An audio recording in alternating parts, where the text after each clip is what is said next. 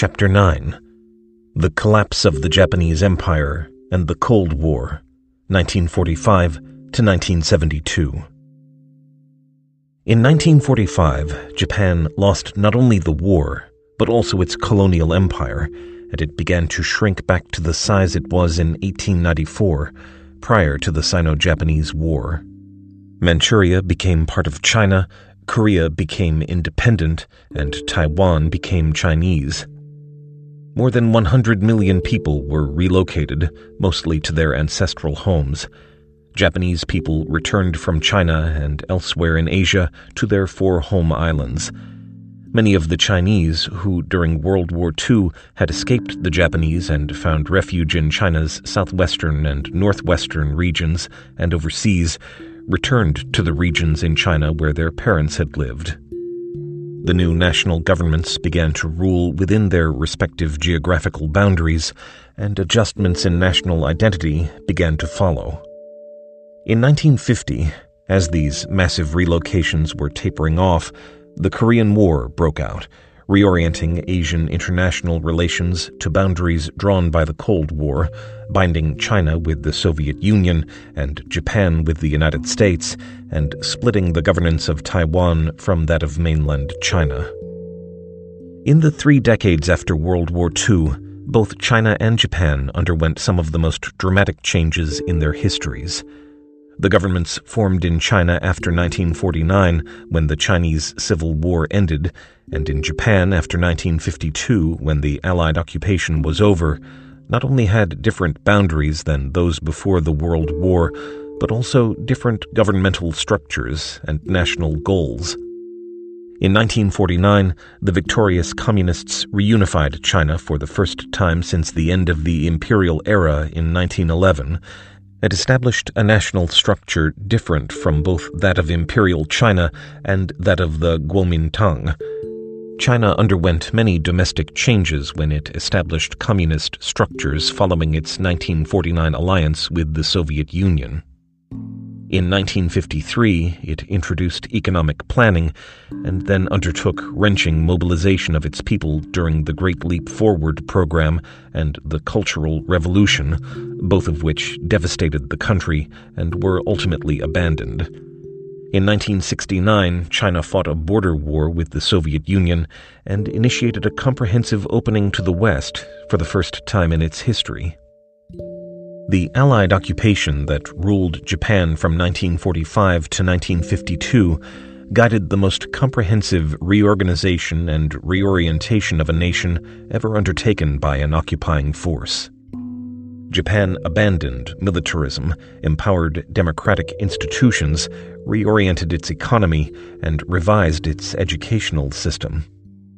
Beginning in the 1950s, Japan strengthened its links to the global economy and launched the world's first rapid industrialization, setting the pattern for the spread of rapid industrialization to Korea, Taiwan, and mainland China that brought dramatic improvements in the standard of living. During the Cold War, between 1949 and 1972, China and Japan had few contacts. However, Chinese and Japanese merchants and leaders representing their changing governments managed to keep channels open between their two countries, channels that, after 1972, provided a means for the two countries to develop the closest relations in their history. The Collapse of Japanese Imperialism The Japanese defeat not only ended Japanese imperialism, but also its imperial ambitions. World War II saw the end of many colonial empires, but Japan had had far more colonial servants, soldiers, and settlers than any other country. During the war, some 6.9 million of Japan's 72 million people, 3.7 million soldiers, and 3.2 million civilians were living abroad. Nor had any other imperial power penetrated so deeply into its colonies with such thorough involvement in all aspects of life as Japan had in Taiwan, Korea, and Manchuria. In the two thirds of China that Japan occupied during World War II, it exercised far tighter control than the Western powers exercised in the distant colonies that they occupied. Similar to the Chinese public's reaction in 1895 following the First Sino Japanese War, the Japanese public in 1945 was stunned that their country had suffered such a stunning defeat. Just as the Chinese before 1895 had had no doubts about the superiority of Chinese civilization, the Japanese public, proud of their nation's victories over China and Russia, and informed by a controlled press, was supremely confident of Japan's role as the leader of Asia until the air raids and bombs began devastating their country in 1945. China's defeat in 1895 had forced the Chinese to recognize that their imperial system was no longer viable, and Japan's defeat in 1945 forced the Japanese to recognize that their military dominated imperialism was no longer viable. The Japanese, like the Chinese, underwent a jarring readjustment as their proud self image disintegrated. And as China, after 1895, had learned about the New World from Japan, the country that had defeated it, Japan, after 1945, learned about the New World from the United States, the country that had defeated it. By August 1945, the imperialist Japanese, who only shortly before had dominated top positions of power in China, Korea, and Taiwan, were suddenly being told what to do they had been the victimizers, proud soldiers and settlers, but now, defeated, they became the victims, refugees, and supplicants.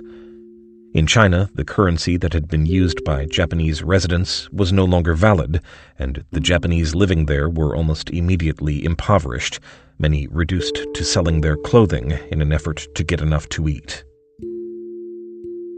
Resettlement and the narrowing of Japanese identity the end of Japanese imperialism brought a narrower definition of what it meant to be Japanese.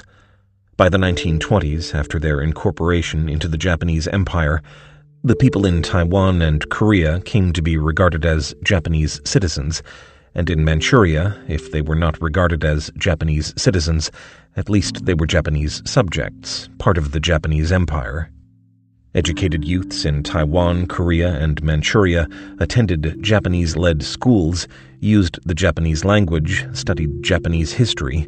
In Taiwan and Korea, they were given Japanese names. The Japanese had come to accept a broader, more cosmopolitan definition of what it meant to be Japanese, a definition that included both Taiwanese and Korean people. Some members of these groups felt that they were treated as second class citizens. Nonetheless, they were regarded as second class Japanese citizens. After Japan's defeat in 1945, in accordance with the Potsdam Agreement signed by three of the Allied powers Great Britain, the United States, and the Soviet Union Koreans, Taiwanese, and residents of Manchuria were no longer considered Japanese. The classification, Japanese, was narrowed to include only those whose ancestors had been Japanese and who had lived on one of Japan's four main islands or on one of its smaller islands before the Sino Japanese War of 1894 to 1895. People living in Korea became Koreans, and people living in Manchuria and Taiwan became Chinese. The Korean Japanese and Taiwanese Japanese people living in Japan became foreign residents of Japan. Most of the Japanese in the three provinces of Manchuria, Heilongjiang, Liaoning, and Jilin, had been living in the northern province of Heilongjiang next to the Russian border, and at the end of the war they surrendered to the Russians. Some tried to run away, and others committed suicide approximately 600,000 Japanese prisoners were taken across the border into Siberia, where many of them performed manual labor on construction projects. Russian officials estimated that during the next several years, 60,000 Japanese prisoners died, but Japan estimated that a far higher number died or were missing. Between 1947 and 1949, some 450,000 Japanese prisoners in the Soviet Union were allowed to return to Japan. Survivors returning from Russia recalled not only the freezing climate, but also the inhumane living conditions and the cruelty of their captors. Because soldiers were given priority for space on ships returning to Japan, few Japanese civilians, most of whom had been living in Manchuria, had an opportunity to leave China before May 1946, when the United States began supplying ships to bring Japanese civilians back to their homeland. Amid food shortages and without any income after Japan's surrender, the Japanese civilians awaiting an opportunity to board a ship and return home had to struggle to survive. It has been estimated that as many as 200,000 Japanese civilians in China died while waiting to return to Japan. When nationalist troops gained control over most of southern Manchuria in late 1946, Chiang Kai shek cooperated with U.S. troops in assisting Japanese civilians to return to Japan.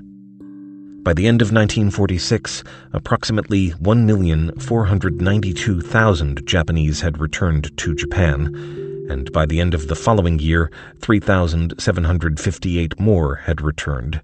Repatriation continued until August 1948, but an estimated 60,000 Japanese, mostly children of mixed marriages, remained in China after 1949. Between 1949 and 1953, few returned to Japan, but in 1953, an estimated 26,000 returned. Between August 1945 and December 1946, 6.7 million Japanese soldiers and civilians, mostly from China, but also from Southeast Asia, Korea, and Taiwan, returned to Japan. Some compassionate Chinese families supplied food and shelter to the needy Japanese in Manchuria, and some adopted Japanese children who either had been separated from their parents or whose parents had died. Thousands of Japanese widows, widowers, and single men and women married Chinese partners. Some Japanese children remained with their Chinese families even after the end of 1946, by which time most of the Japanese survivors in Manchuria had been repatriated. When the once stranded Japanese settlers finally found a place on a ship and returned to their country, the situation they faced at home was similar to the situation that Chinese refugees faced on returning to their home areas. The Japanese economy was depressed, the food supply was inadequate, and returnees struggled to find a place to live and a way to earn a living. Like the Chinese Hakka in earlier centuries, who after defeat had escaped to the south and settled in hilly, less fertile land that was not already occupied by local farmers. Many of the repatriated Japanese seeking to grow food to survive settled initially in hilly or mountainous areas of marginal productivity. Most settled on the southern island of Kyushu or in the southern part of the main island of Honshu, where their families had lived before setting off for Manchuria. Some returnees crowded into the homes of relatives and friends, Many Japanese relatives of the refugees, while struggling amid the post war shortages to find food and housing for themselves, nonetheless tried to help the returnees. But others were less enthusiastic about sharing what little they had with relatives, acquaintances, and former co workers, some of whom they had not seen and had rarely heard from for years or even decades. Even after 1947, when, with wheat imported from the United States, food shortages in Japan began to ease, psychological strains between returnees and locals who had not traveled abroad did not disappear. Japan is sufficiently homogeneous that small differences sometimes loom large. To many local people, the returnees did not fully share their homogeneous culture, and they were regarded as outsiders. As Japan began expanding its global contacts, some of the talented, more cosmopolitan returnees connected easily with foreigners, but others suffered from being treated as outsiders. The experiences of Japanese returnees, both while they had lived abroad and as they tried to adjust to local society in Japan, became popular topics for novels, short stories, television dramas, and movies. When the Communists came to power in China in 1949, an estimated 34,000 Japanese still remained in China, mostly in the Northeast. Some Japanese settlers who had developed deep local roots in Chinese society chose to remain in China and work with the Chinese. Others who had technical skills and knowledge judged important for keeping former Japanese factories operating at least for some years were not given exit permits. The Communist Chinese Air Force, for example, which later fought in Korea, was established by Japanese Army Air Corps officers who had surrendered to the Chinese. At the end of the war, about 2 million people originally from Taiwan and Korea were still living and working in Japan.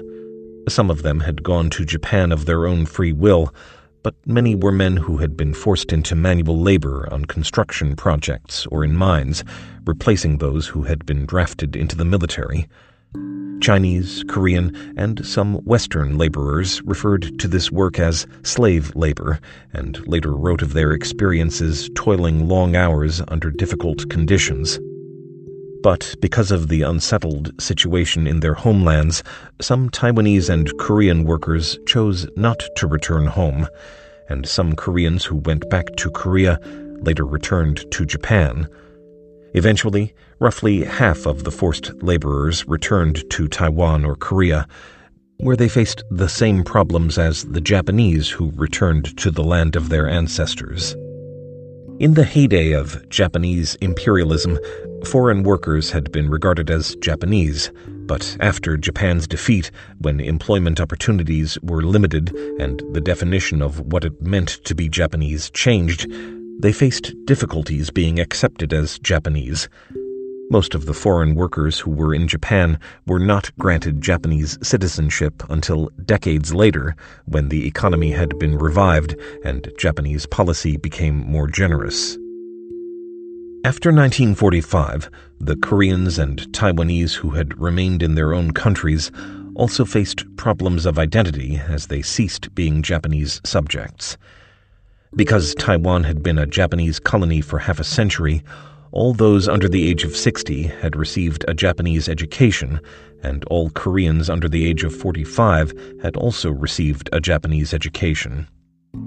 Many had become accustomed to Japanese banking and commercial practices. Because Japanese rule had penetrated so deeply, culturally, the young Koreans and Taiwanese had become Japanese Many had improved their standard of living, and some had worked closely with Japanese settlers and had Japanese friends.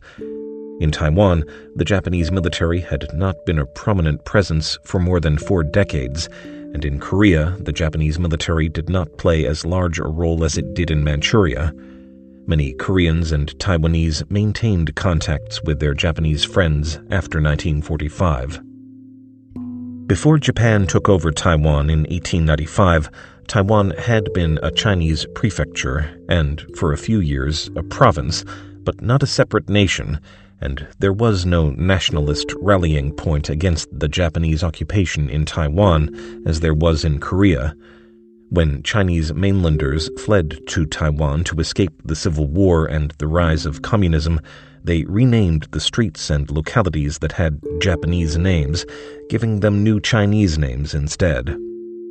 After February 1946, Japanese language movies were no longer allowed. Only Chinese language movies could be shown, even though many local people could not understand them. After the Chinese nationalist troops arrived in Taiwan, the Taiwanese, who had absorbed Japanese culture, were ruled by Chinese troops and government officials who introduced Chinese culture in the schools. In Taiwan and in Korea, life was especially difficult for those who had worked with the Japanese during the war, for they were regarded as unpatriotic collaborators, and in some cases they were publicly criticized or even killed. Some of the Japanese people who stayed in China after 1949 later expressed a wish to return home. After 1946, when the Civil War broke out in China, repatriating Japanese citizens was not a high priority for the Chinese. But after 1952, when contacts between the Chinese and Japanese governments began to increase, a key issue for the Japanese government was the return of its citizens still living in China. Liao Chengzhi, the leading Japan specialist among high level Chinese officials, led talks with Japan on this issue in February and March 1953. In the six months following the talks, approximately 20,000 Japanese were repatriated. In July 1955, when relations between the two countries improved, Japan asked China for information about 40,000 Japanese individuals believed to be missing in China. Information was provided about some of them, and many were allowed to return to Japan. Most of the Japanese who returned from China after 1949 had learned the Chinese language and had found some way to earn a living in China. By the time they returned to Japan, there were better economic opportunities in their home country than there had been in 1945 and 1946, when Japanese returnees first began to arrive back home. However, culturally, they were more Chinese than Japanese, and they often had even more difficult adjustment problems than those who had returned right after the war. Some found work in Japanese companies that wanted to carry on trade with China, where they could make use of their language skills, their knowledge of Chinese business practices, and their personal contacts in China. Clusters of administrators from Mantetsu settled in Kyushu, where they worked in regional planning. Scholars from Toa Dobun Shoin in Shanghai built up Chinese studies programs at Aichi University. Many who had been administrators became the backbone of Sino Japanese friendship associations. After Japan's surrender, the Chinese, who in the late 1930s had escaped from the advancing Japanese troops and sought refuge in the countryside and in the southwest, beyond the reach of the Japanese imperialists, began to move back to their original home regions. Most had become refugees during the first years of the war, but others had fled later when the Japanese began bombing Shanghai and Chongqing and during the 1944 Ichigo campaign when Japanese troops marched into Henan, Hunan, and Guangxi. Most of the refugees were desperately poor, and many died of starvation. Many of the refugees had lived in areas with very different cultures in which they never felt at home. There are no reliable figures on how many Chinese relocated after the end of the war, but the number was in the tens of millions. Some have estimated that it was as high as 100 million. Because few could make use of the trains and highways were not yet built, most refugees walked, either carrying their few belongings by hand or pulling them on small carts. The race to take over Japanese facilities in Manchuria in the weeks after Japan's formal surrender on September 3, 1945, Japanese commanders throughout China surrendered to nearby Chinese officials and turned over Japanese facilities to the Chinese. In a few cases, high level Japanese commanders had known their Chinese counterparts when they were fellow students at military academies in Japan, and such former schoolmates found it easy to work with one another. In general, Japanese soldiers remained disciplined after their surrender. In some communities, because there were no Chinese troops in the area, they were asked to stay on for some weeks, or even some months, to maintain order. In Shanxi, former warlord Yan Xishan hired more than a thousand Japanese troops to serve on his staff in the hope that the Japanese could help him resist the growing power of the Chinese Communist forces. After the end of World War II, the nationalists and communists were unable to maintain the united front they had formed against their common enemy during the war. Both sides began maneuvering to take over Japanese facilities and to position themselves for a possible civil war, which others still hoped could be avoided. In December 1945, the United States sent General George Marshall to Chongqing where he hosted negotiations between Mao Zedong and Chiang Kai shek in an effort to facilitate the formation of a coalition government and avoid a civil war. It quickly became clear that the two sides could not work together. Within weeks after the end of the war, the victorious troops, communist, nationalist, and Russian, raced into Manchuria, where they vied to gain control of the facilities that the Japanese had built in the four decades since 1905. Manchuria was China's largest industrial base and the location with the largest assemblage of modern military weapons anywhere in China. As soon as World War II ended, Mao Zedong, acutely aware of his army's shortage of modern military equipment, directed communist troops in northern and northwestern China to march at top speed to the northeast to take control of stockpiles of Japanese weapons and industrial equipment that they could use if war were to break out with the nationalists. In addition to larger machinery, it has been estimated that the nationalists acquired between 350,000 and 750,000 rifles in Manchuria. Although the nationalist troops centered in southwestern China were far from the northeast, the United States helped transport them to the northeast and to China's east coast by air, by ship, and by rail. Officials in Washington specifically directed that U.S. forces were not to take part in military clashes or to provide military assistance to either side. However, Chiang Kai shek was the official ruler of China, and some American leaders, worried about the threat of communism, found ways to assist him. Both Chinese communists and nationalists accused Russian troops of stripping Japanese factories to take industrial equipment across the border into Russia. The Russian troops recognized the nationalists as the official government of China and allowed them to occupy key locations and to acquire some Japanese equipment. The Chinese communists hoped that Soviet troops, as fellow communists, would side with them. Some Soviet troops did provide assistance to the Chinese communist troops that were establishing their bases in the rural areas. But the Russians had worked with the nationalists since the early 1920s, beginning with Sun Yat sen, and Stalin still thought the nationalists might win the war in China, so he continued to work with the nationalists until the Russian troops withdrew from the northeast in the spring of 1946. Although Japanese military equipment was taken by the various armies, enough of the former Japanese industrial base and infrastructure remained that for many years after 1949, the Northeast was the industrial base for the Chinese Communists. After 1949, the factories were operated by Chinese workers who had learned their skills under Japanese leadership, as well as by some Japanese technicians and managers who stayed on in China until Chinese replacements could be trained. Even Mao Zedong expressed admiration for the Japanese state ownership of and planning for the industrial development of Manchuria.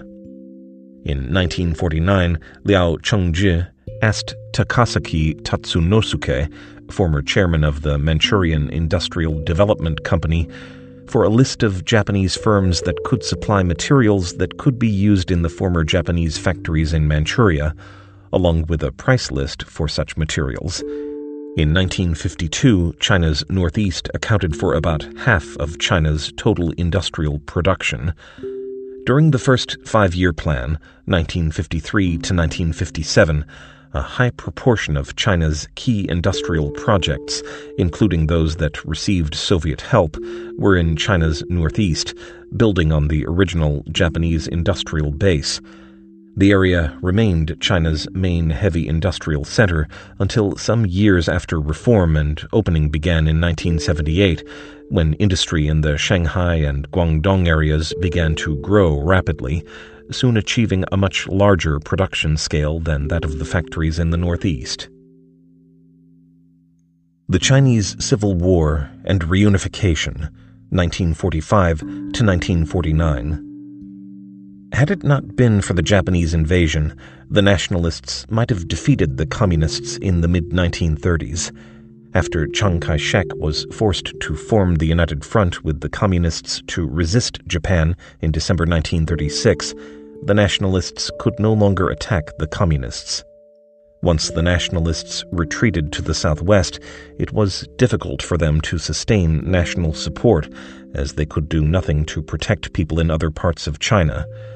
The Communists, based in China's northwest, used this opportunity when they were not under attack by the Nationalists to build a tight organization, gain experience in carrying out land reform, hone a clear message to win public support, train an army that would be prepared to fight the Nationalists, and forge a general agreement among their followers about what policies should be pursued after their conquest of all of China.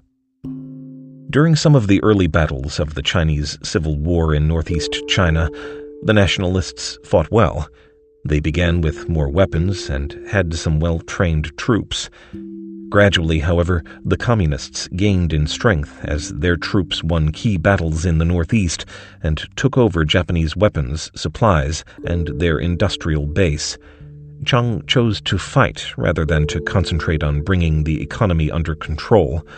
But the resultant wild inflation, shortage of goods, and corruption among the nationalist troops trying to provide for themselves and their families in this chaotic period alienated the general public. Because they promised land reform, the Communists had greater appeal to peasants, who hoped their families might acquire land if the Communists won the Civil War by recruiting youths who were alienated by the corruption of the nationalists and hopeful of gaining land, the communists gained many soldiers who were more dedicated to the fight than the nationalist soldiers, some of whom had been recruited by force. After capturing the bases in the northeast, communist forces captured Beiping and then moved southward toward the Yangtze.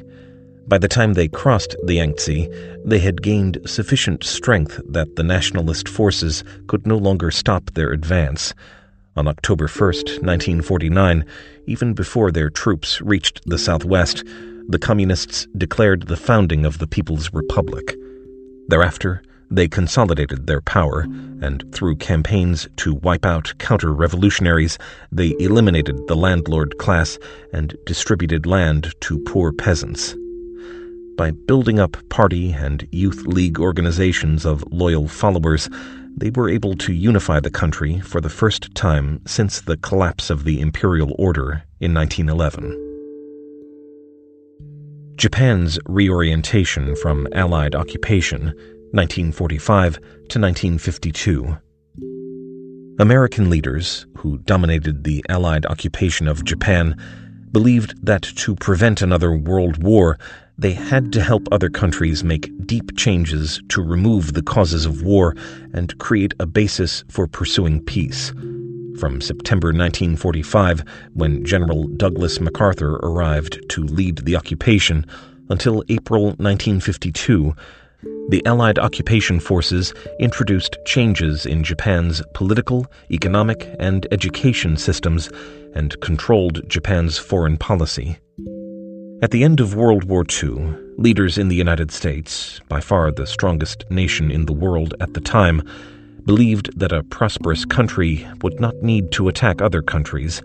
In 1945, many Americans wanted to punish Japan for its sneak attack on Pearl Harbor, for its cruelty to American soldiers during the Bataan Death March in the Philippines, and for its aggressive behavior in Asia and the Western Pacific. But unlike the Chinese, who had suffered during eight years of Japanese occupation, Americans had not directly experienced Japanese occupation, and the U.S. civilian population had had few personal contacts with Japanese soldiers. America's hatred of the Japanese enemy was not as deep, long lasting, or personal as China's. After considering the issue, Occupation officials concluded that for the Japanese public to accept the decision to surrender and follow the Allied forces' guidelines, they needed the support of the Emperor. Therefore, occupation officials did not dwell on the question of the Emperor's responsibility for the war. The Emperor renounced his divinity, announced the surrender, and publicly appeared with General MacArthur, showing the Japanese public that he supported the occupation. American leaders had concluded that Germany had been punished too severely for war making after World War I, resulting in a powerful German drive for revenge that resulted in its initiation of World War II. Hence, after World War II, they felt that they should be less vengeful in their occupation of Germany and Japan. In Japan, the Allied powers gave directions, but the government was administered by the Japanese. This required close collaboration. As a whole, the Japanese were orderly, accepted the directives of the Allied occupation, and worked to carry them out. When U.S. soldiers began arriving in Japan, the Japanese found that they were a surprisingly friendly group that gave out candy and chewing gum to children. Allied occupation leaders believed that to prevent Japan from ever again pursuing militarism, a thorough attack on the root causes of war was necessary. They believed that democracies did not make war, so Japan was forced to be free to develop democratic institutions, including a democratically elected diet, a free press, enterprises free of government control, and labor unions, as well as parent teacher associations and textbooks that promoted democracy. To reduce the power of landlords and build up a rural base for democracy, the occupation carried out land reform, dividing up the land formerly owned by large landlords to strengthen democracy, the occupation worked with Japanese leftists, labor unions, and liberal academics who supported the goals of the occupation forces. The small number of communists in Japan had been some of the boldest opponents of Japanese militarism in the 1930s, and they were welcomed as a legal party. The Allied occupation was successful in its attack on militarism not only because the Japanese knew it was necessary in order to bring an end to the occupation, but also because Japanese officials and the majority of the Japanese public firmly believed that militarism had brought disaster to Japan, to other countries, and to Japan's relations with other countries. The occupation thus abolished Japan's military forces, making them illegal. It destroyed factories and closed large companies that produced military equipment. Some Japanese historians joined in criticizing the high concentration of power during the Meiji period, calling it Meiji absolutism because it had paved the way for the growth of the militarism that had resulted in suffering for all Asians and had alienated other Asians from Japan. During the first two years of the occupation, tens of thousands of Japanese died from starvation. Having lost the colonies that supplied food for Japan, Japanese leaders realized they had to increase exports to earn money to buy food from abroad. To a large extent, the United States replaced Manchuria as the main source of raw materials and soybeans for Japan. In 1951, for example, the United States supplied 34% of Japan's iron ore, 71% of its coal, and 97% of its soybean imports. The Japanese drew on their wartime experience in guiding the economy, but they chose to introduce indicative planning, setting targets but allowing companies the freedom to decide how to reach their targets rather than imposing socialist style government administered planning. Japanese leaders realized that Japan's reputation for producing low quality goods would negatively affect their exports, so they paid great attention to what was needed to improve quality, bringing in U.S. specialists and dedicating themselves to experimenting with new techniques. Within several years, Japan had gained a reputation for producing high quality goods. In the early years after 1945, Japanese scholars specializing in the study of China criticized some of Japan's leading pre war China specialists, including Naito Konan, who died in 1934, for not having done enough to oppose Japanese aggression in China. After the occupation ended with a security pact with the United States, many intellectuals and students joined in criticizing the pact because it gave too much support to the military. Although support for Marxism and leftist views gradually weakened as Japan modernized, opposition to militarism, which in the eyes of the public had brought disaster, has remained deep and strong. The War Crimes Trials. The International Military Tribunal of the Far East, presided over by judges from seven Allied countries, including China, met regularly from May 3, 1946, until sentences were announced on November 12, 1948, on the indictment of 28 Class A war criminals, leaders who had played a role in guiding Japan into committing war crimes and crimes against humanity. One civilian, Prime Minister Hirota Koki, and six generals were hanged, 16 Class A criminals were sentenced to life imprisonment, and two were given shorter sentences, three were found not guilty, and no one was acquitted. In addition, Class B and Class C criminals who had committed conventional war crimes and crimes against humanity were also tried. 18 generals accused of being Class B criminals because they had command responsibilities when their troops committed atrocities were tried and found guilty. Some 4,200 Class C officers in lower positions were tried for other atrocities, about 700 of whom were sentenced to death. Others were committed to prison for various terms. Detailed evidence in the trials was presented by witnesses such as Lewis Smythe, a missionary and sociologist in Nanjing at the time of the massacre. Smythe had worked with John Rabe and others in Nanjing to follow closely the atrocities committed by the Japanese at the time. The court also collected evidence on the biological and chemical warfare carried out by Unit 731 on the outskirts of Harbin, where live experiments were conducted on human subjects, some of whom died. No legal basis existed before World War II for war crimes trials such as the Nuremberg trials in Germany and the International Military Tribunal in Tokyo, although legal procedures were used for judging who had initiated a war and who had committed atrocities. Volumes of information were collected and carefully analyzed for the Tokyo trials, but the number of cases tried was minuscule compared with the number of atrocities that had been committed during the war. Evidence was collected from more than 400 witnesses, and in excess of 700 affidavits were filed.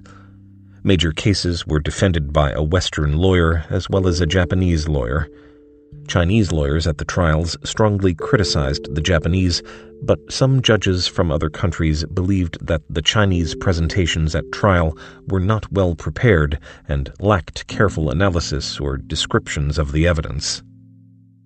In addition to the trials of major war criminals in Tokyo, other criminals were tried in China and elsewhere. In China, some 883 Japanese individuals were brought to court, 149 were executed, and 350 were found not guilty. At the higher levels of the Chinese government, Chiang Kai shek and others wished to show that China was living up to high international professional standards. Unlike Chinese presentation at the war crimes trials in Tokyo, the evidence used in China was more carefully presented some of the Japanese who were brought to trial in China were acquitted. At the local levels in China, however, there were many cases of extra legal retribution carried out against Japanese and local collaborators. Many Japanese people agreed that the attacks in Nanjing and the experiments on human subjects by Unit 731 were atrocities but they also believed that the trials were based not on universal standards, but on victor's justice, for only Japanese defendants were tried. Westerners who, in the view of the Japanese, had also committed crimes, such as ordering the firebombing of civilians in Japanese cities and the dropping of two atom bombs, were not tried. Furthermore, the Japanese who examined the proceedings felt that a disproportionate percentage of the most serious punishments were handed down for crimes against Western victims, not Asian victims. After the trials had dragged on for more than two years, stories began to appear in the Japanese media of the hardships suffered by the Japanese who were being tried. In 1953, the year after the occupation ended, prison letters from war criminals began to be published. some of the Japanese public sympathized with those officials whom they claimed had been caught in difficult circumstances over which they had little control. One of the seven justices, the Indian judge Radhabinod Pal, considered the entire war crimes trial invalid because there had been no rules set for wartime behavior prior to the trials, and there was no universal standard of justice.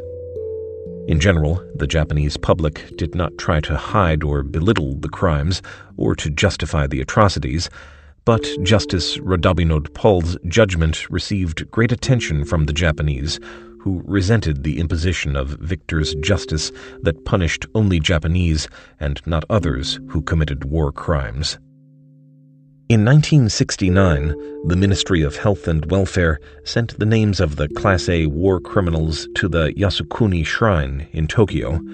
In October 1978, the new chief priest at the shrine, Matsudaira Nagayoshi, decided that they should be enshrined.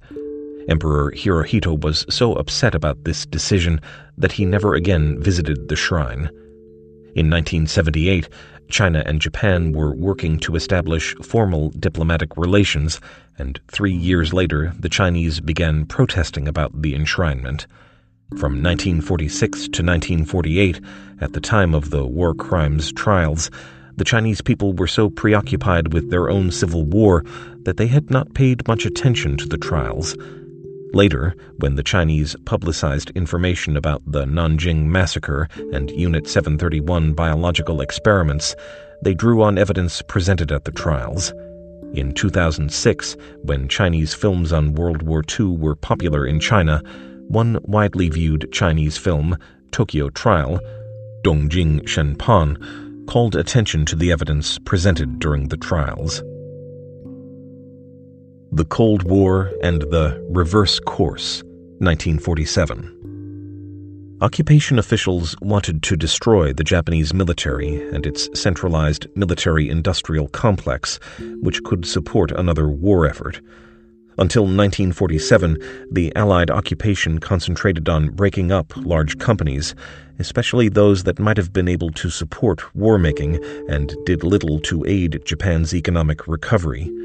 In 1947, however, when the Cold War divisions had become sharper, occupation officials began to regard Japan as a potential partner against the Soviet Union.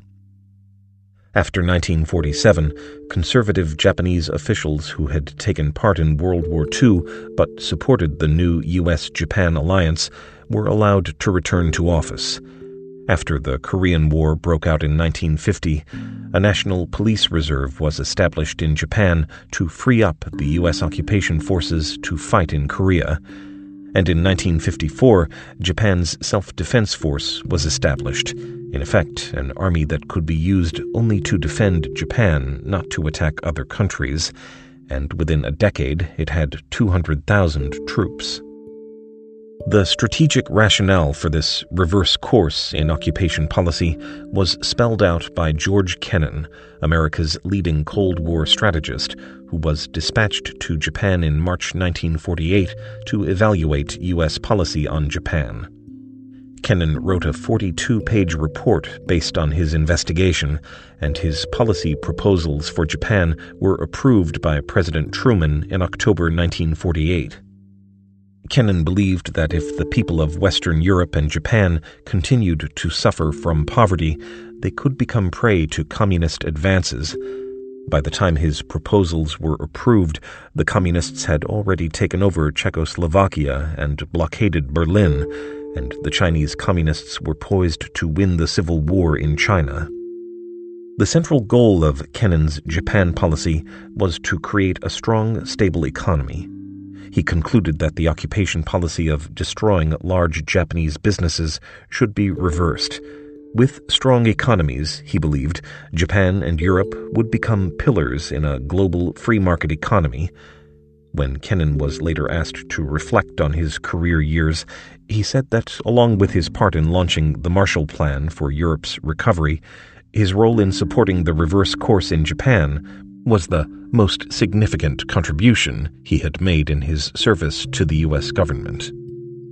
By 1947, the United States was sending some of its excess grain to Japan to ease the food shortage there, and to address Japan's shortage of cotton for making clothing, the United States, which had just made advances in the production of synthetic fibers, supplied Japan with synthetic fiber technology. By manufacturing more goods, Japan was beginning to generate income to pay for the food and other supplies that the United States was exporting to Japan. U.S. industrial firms began transferring manufacturing skills to Japan, just as U.S. and Japanese firms would do in China three decades later. Japanese industry had been decimated by the massive bombing during the war, but the business and technology skills that it had developed since the Meiji period survived, and Japanese businesses began to grow quickly. Although the occupation authorities had discouraged Japan from greatly increasing trade with China for fear that it might pull Japan into the communist economic order, Kennan did not believe it was necessary to oppose trade with China. In Kennan's view, China was a very poor and divided country, and at the time, China was not considered a threat to the United States. Kennan, a Russia specialist, was convinced that even if China were to join with the Soviet Union, the forces of Chinese nationalism were so strong that an alliance with the Soviet Union would not last. John Foster Dulles, who was directing U.S. policy, did not agree. He believed that Communist China was already allied with the Soviets and that the United States should not assist China's economic growth. The Korean War and the freeze in Sino Japanese relations, 1948 to 1972. Just as Korea had been at the vortex of the struggles between Japan and China during the 1870s and 1880s, during the Sino Japanese War of 1894 to 1895, and during the Russo Japanese War of 1904 to 1905, it was at the center of the power struggles in Asia after World War II. But this time, the conflict was not just between Japan and China or Japan and Russia. Now, Korea was the focus in a struggle between the entire communist world and the entire capitalist world. At the end of World War II, the United States firmly refused Stalin's request to divide Japan, as Germany was divided, into separate occupation zones. But on August 10, 1945, as the war's end approached, U.S. officials agreed that Soviet forces in Korea could occupy the area north of the 38th parallel, and the United States would occupy the area below the 38th parallel.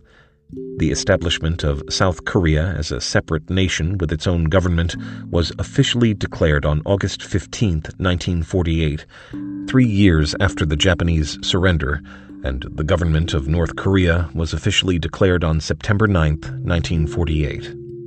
Shortly thereafter, the Soviet Army left Korea and returned home, and in June 1949, the U.S. Army pulled out as well and returned either to the United States or to its bases in Japan. Under Soviet guidance, Kim Il sung became the leader of North Korea, and under U.S. guidance, Syngman Rhee became the leader of South Korea. Kim Il sung had been in Manchuria with the Chinese guerrilla forces fighting the Japanese, but after 1941, as pressures from the Japanese army in Manchuria grew stronger, Kim had retreated with the Chinese guerrillas to the Soviet Union, where he spent the rest of World War II. Syngman Rhee was a Christian who had studied under Woodrow Wilson at Princeton and married an Austrian woman. Before assuming the leadership of South Korea, he had spent only a few years of his life living in Korea. U.S. officials considered him their ally. In the absence of foreign troops, Kim Il sung and Syngman Rhee each began to strengthen his military in the hope of reuniting Korea under his leadership.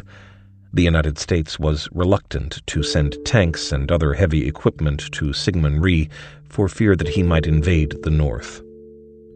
At the time, North Korea had a much larger industrial base than South Korea because of the electric power stations on the Yalu River and the chemical and related industries built by the Japanese during their occupation, whereas South Korea was primarily agricultural. Since educated Koreans had learned the Japanese language and been taught about Japanese culture, some had good relations with the Japanese.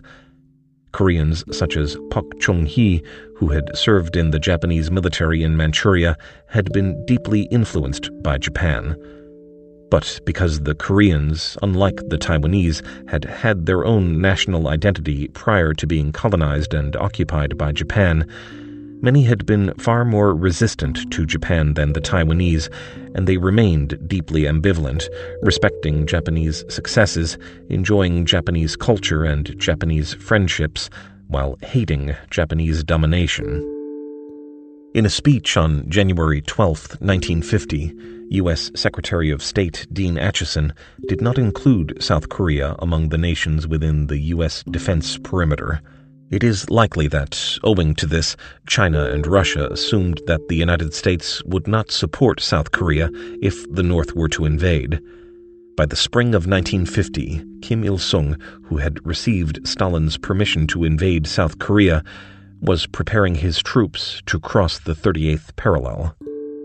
By April 1950, with Mao Zedong's approval, more than 47,700 ethnic Korean Chinese in the Chinese army, many of whom had fought the Japanese during World War II, had been transferred to North Korea to support Kim Il sung. Mao had already assured Kim Il sung that by early 1950, once the Communists had basically subdued all of China, Chinese troops would be available to provide assistance if it were needed.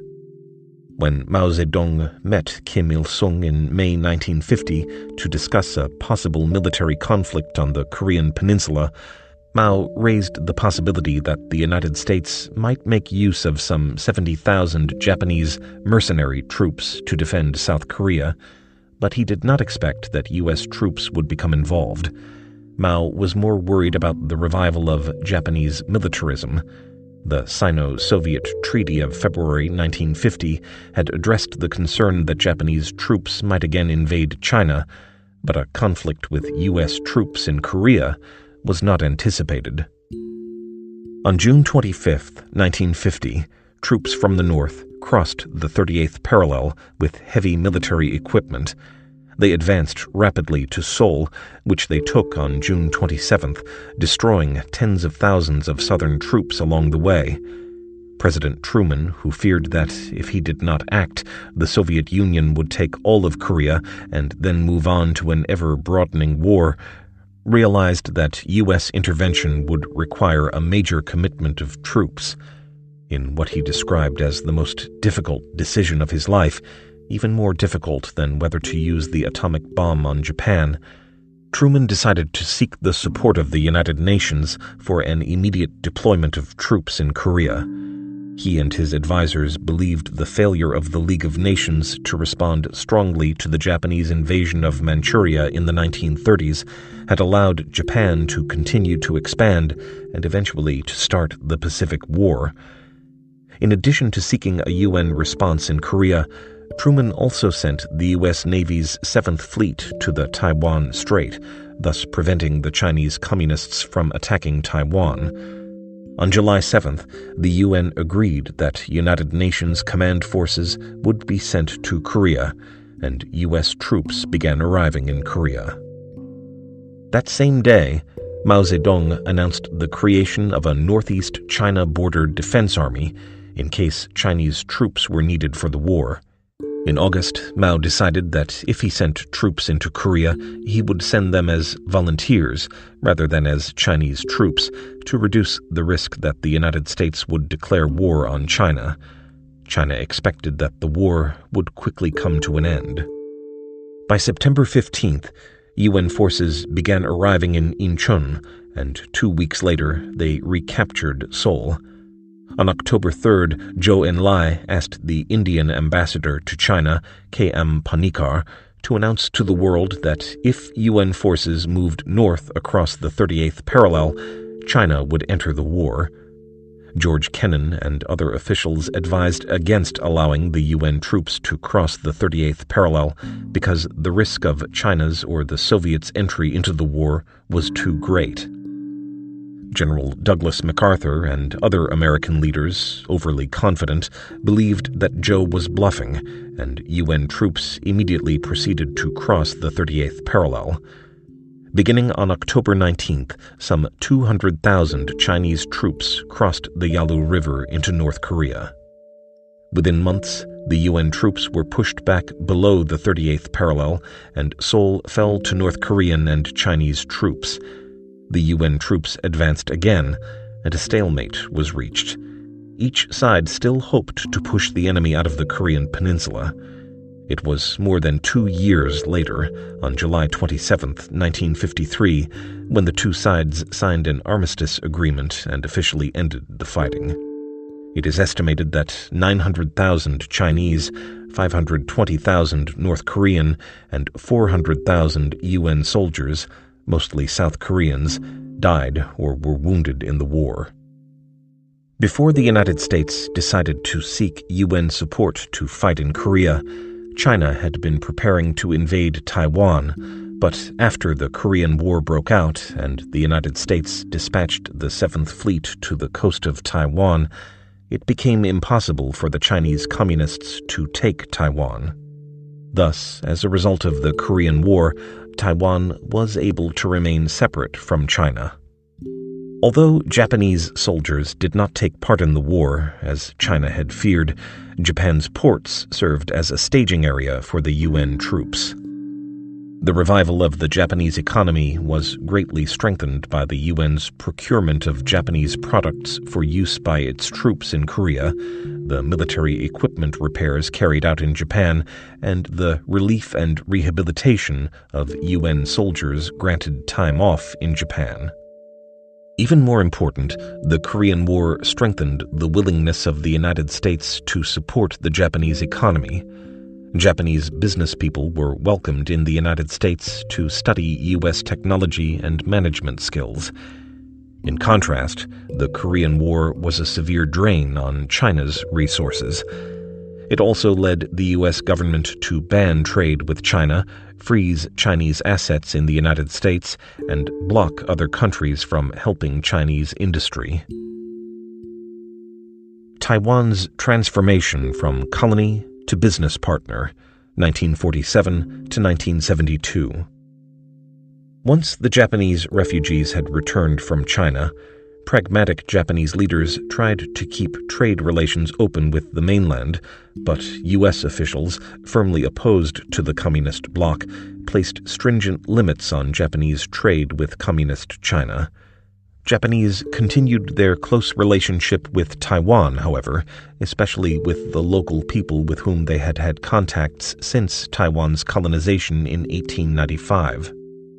Japanese leaders also established relations with the mainlanders, Waishengren, those born outside Taiwan, as members of the Nationalist Army, the Nationalist government, and their allies began arriving in Taiwan in large numbers in 1947 when they were retreating from communist advances.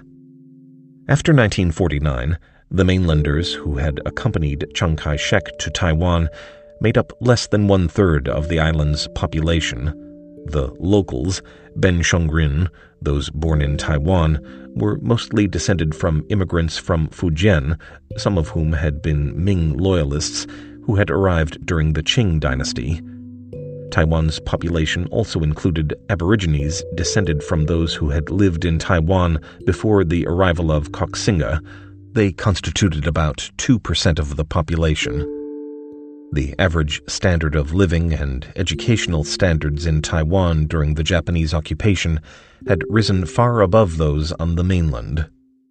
Once the mainlanders arrived in Taiwan, they controlled not only the military, but also the government. Tensions between the mainlanders and the locals rose quickly. Riots broke out, first in Taipei and then in other cities. On February 28, 1947, after more troops arrived from the mainland to support the nationalist military already stationed in Taiwan, the Japanese speaking nationalist General Chen Yi, who had been sent by Chiang Kai shek to bring order to Taiwan, imposed a firm crackdown. According to a report by the Executive Yuan in 1992, It is estimated that mainland nationalist troops killed between 18,000 and 28,000 locals, including most of the individuals capable of providing leadership to resist the new arrivals from the mainland. For decades, the date of the crackdown, February 28th, Erba, was a powerful symbol of the locals' hatred of the mainlanders. Even when the nationalists later executed General Chen Yi on charges of cooperating with the communists, it did little to end the deep resentment. Although some Taiwanese had complained about the Japanese when they occupied Taiwan, after the February 28th incident, the local population preferred their former Japanese rulers to the recently arrived mainlanders. Showing an appreciation for Japanese culture became a way of indirectly protesting against mainland rule. Even after the mainlanders arrived in Taiwan, it remained easy for Japanese businesses that had been established in Taiwan before World War II to work with Taiwan's companies. As wages for industrial workers in Japan rose in the 1960s, Japan passed on some of its textile and footwear manufacturing to Taiwan, where wages were lower. Thus, Taiwan's industrialization followed soon after the post war revival of Japanese industry. Some of the Japanese who had lived in Taiwan before the end of World War II remained there and took part in the continuing Taiwan Japan business network. The key positions in the Republic of China government on Taiwan and in the military were held by mainlanders. Most mainlanders, both soldiers and officials, looked down on what they saw as lowly business careers. Therefore, the businesses in Taiwan in the 1950s were virtually all small scale companies dominated by locals. During the first several years after 1949 and the end of the Chinese Civil War, the standard of living for local business people was generally lower than that of the mainlanders but as the economy grew, many locals began to succeed in business and to enjoy a standard of living that was higher than that of the mainlanders who were living on officials' salaries. Japanese business people enjoyed good relations with the Taiwanese in business, and some Japanese political leaders who had worked on the mainland before 1945 were able to establish good contacts with mainlander officials, some of whom they had known on the mainland. Even though their countries had been at war, the Japanese and Chinese who had gone to Taiwan were not necessarily personal enemies. Some Japanese individuals who had served in China shared an appreciation of the same regional mainland cuisine and culture, Zhejiang, Shanghai, or Beijing, as their Taiwan counterparts. The Japanese Prime Ministers Kishi Nobusuke and Sato Eisaku were among those who had worked on the mainland before 1945 and who maintained relations with political leaders on Taiwan. Mainland Chinese officials in the 1950s and 1960s were furious with Japan for maintaining close relations with their enemies in Taiwan. Until 1971, the People's Republic of China could not take part in the United Nations because the Republic of China, on Taiwan, held the China seat. Because Japan did not support replacing Taiwan with the mainland for the UN China seat, in the view of mainland officials, Japan was helping their enemy, the nationalists. Mainland leaders who remembered Japan's industrial strength and ambition before 1945 feared that, if given the opportunity, Japanese business people would again dominate economic life on the mainland. Some in China expressed the fear that Japan was trying to re-establish the Greater East Asia co-prosperity sphere, in which China, Japan, and the Southeast Asian nations would enjoy shared trade and prosperity under Japan's leadership. Therefore, the Chinese were cautious about giving Japanese businessmen opportunities on the Chinese mainland. Taiwan did not allow Japanese companies that were engaged in business in Taiwan to conduct business on the mainland. If they did, they were warned that they would be expelled from Taiwan. Similarly, the mainland did not allow Japanese firms doing business on the mainland to conduct business with Taiwan. Until the mid 1960s, many Japanese business people felt that Despite its small size, Taiwan offered greater business opportunities than the mainland. Despite the small population of Taiwan compared with that of the mainland, in 1970, mainland China had 825 million people, whereas Taiwan had only 15 million. Until 1964, Japan sold more products in Taiwan than on the mainland. Just as Japanese businesses hoped to operate both on Taiwan and on the mainland, so they hoped to have government relations with both Taiwan and the mainland. Even after Henry Kissinger visited China in the summer of 1971 and signaled a new relationship between the United States and Communist China, Japanese officials, hoping to retain official relations with the Republic of China on Taiwan, advocated a two China policy once mainland China entered the United Nations in 1971 and President Nixon visited China in February 1972, China was in a strong position to require Japan to cut off diplomatic relations with the Republic of China on Taiwan if it wanted to normalize relations with the mainland. Having no choice when he normalized relations with China in 1972, Tanaka Kakuei cut formal diplomatic relations with the Republic of China on Taiwan, but Japan still maintained strong unofficial connections with the Chinese government. Sino Japanese channels without diplomatic relations, 1949 to 1972. From 1949 to 1972, as during most of the period from 868 to 1873, China and Japan had no formal government to government relations, but trade between them continued. China was allied with the communist bloc, had a planned economy, and stressed class struggle. In contrast, Japan was allied with the Western countries, had a market economy, and stressed cooperation among different social layers. During the Song dynasty, in the absence of formal relations, monks had provided trustworthy connections that enabled trade to continue between Japan and China. During the period from 1949 to 1972, Japanese officials who were friends of China and Chinese officials who were friends of Japan served as go betweens for conservative Japanese leaders and Chinese Communist Party leaders thus enabling a modest amount of trade to take place between their two countries. On the Chinese side, Liao Chengzhi and Guo Moruo, a famous writer who had lived in Japan for 20 years and had spent many years in a Japanese style home with a Japanese wife, were available to meet with Japanese visitors. On the Japanese side, Utsunomiya Tokuma, 1906 to 2000, was a friend of China and an advocate of better relations with China.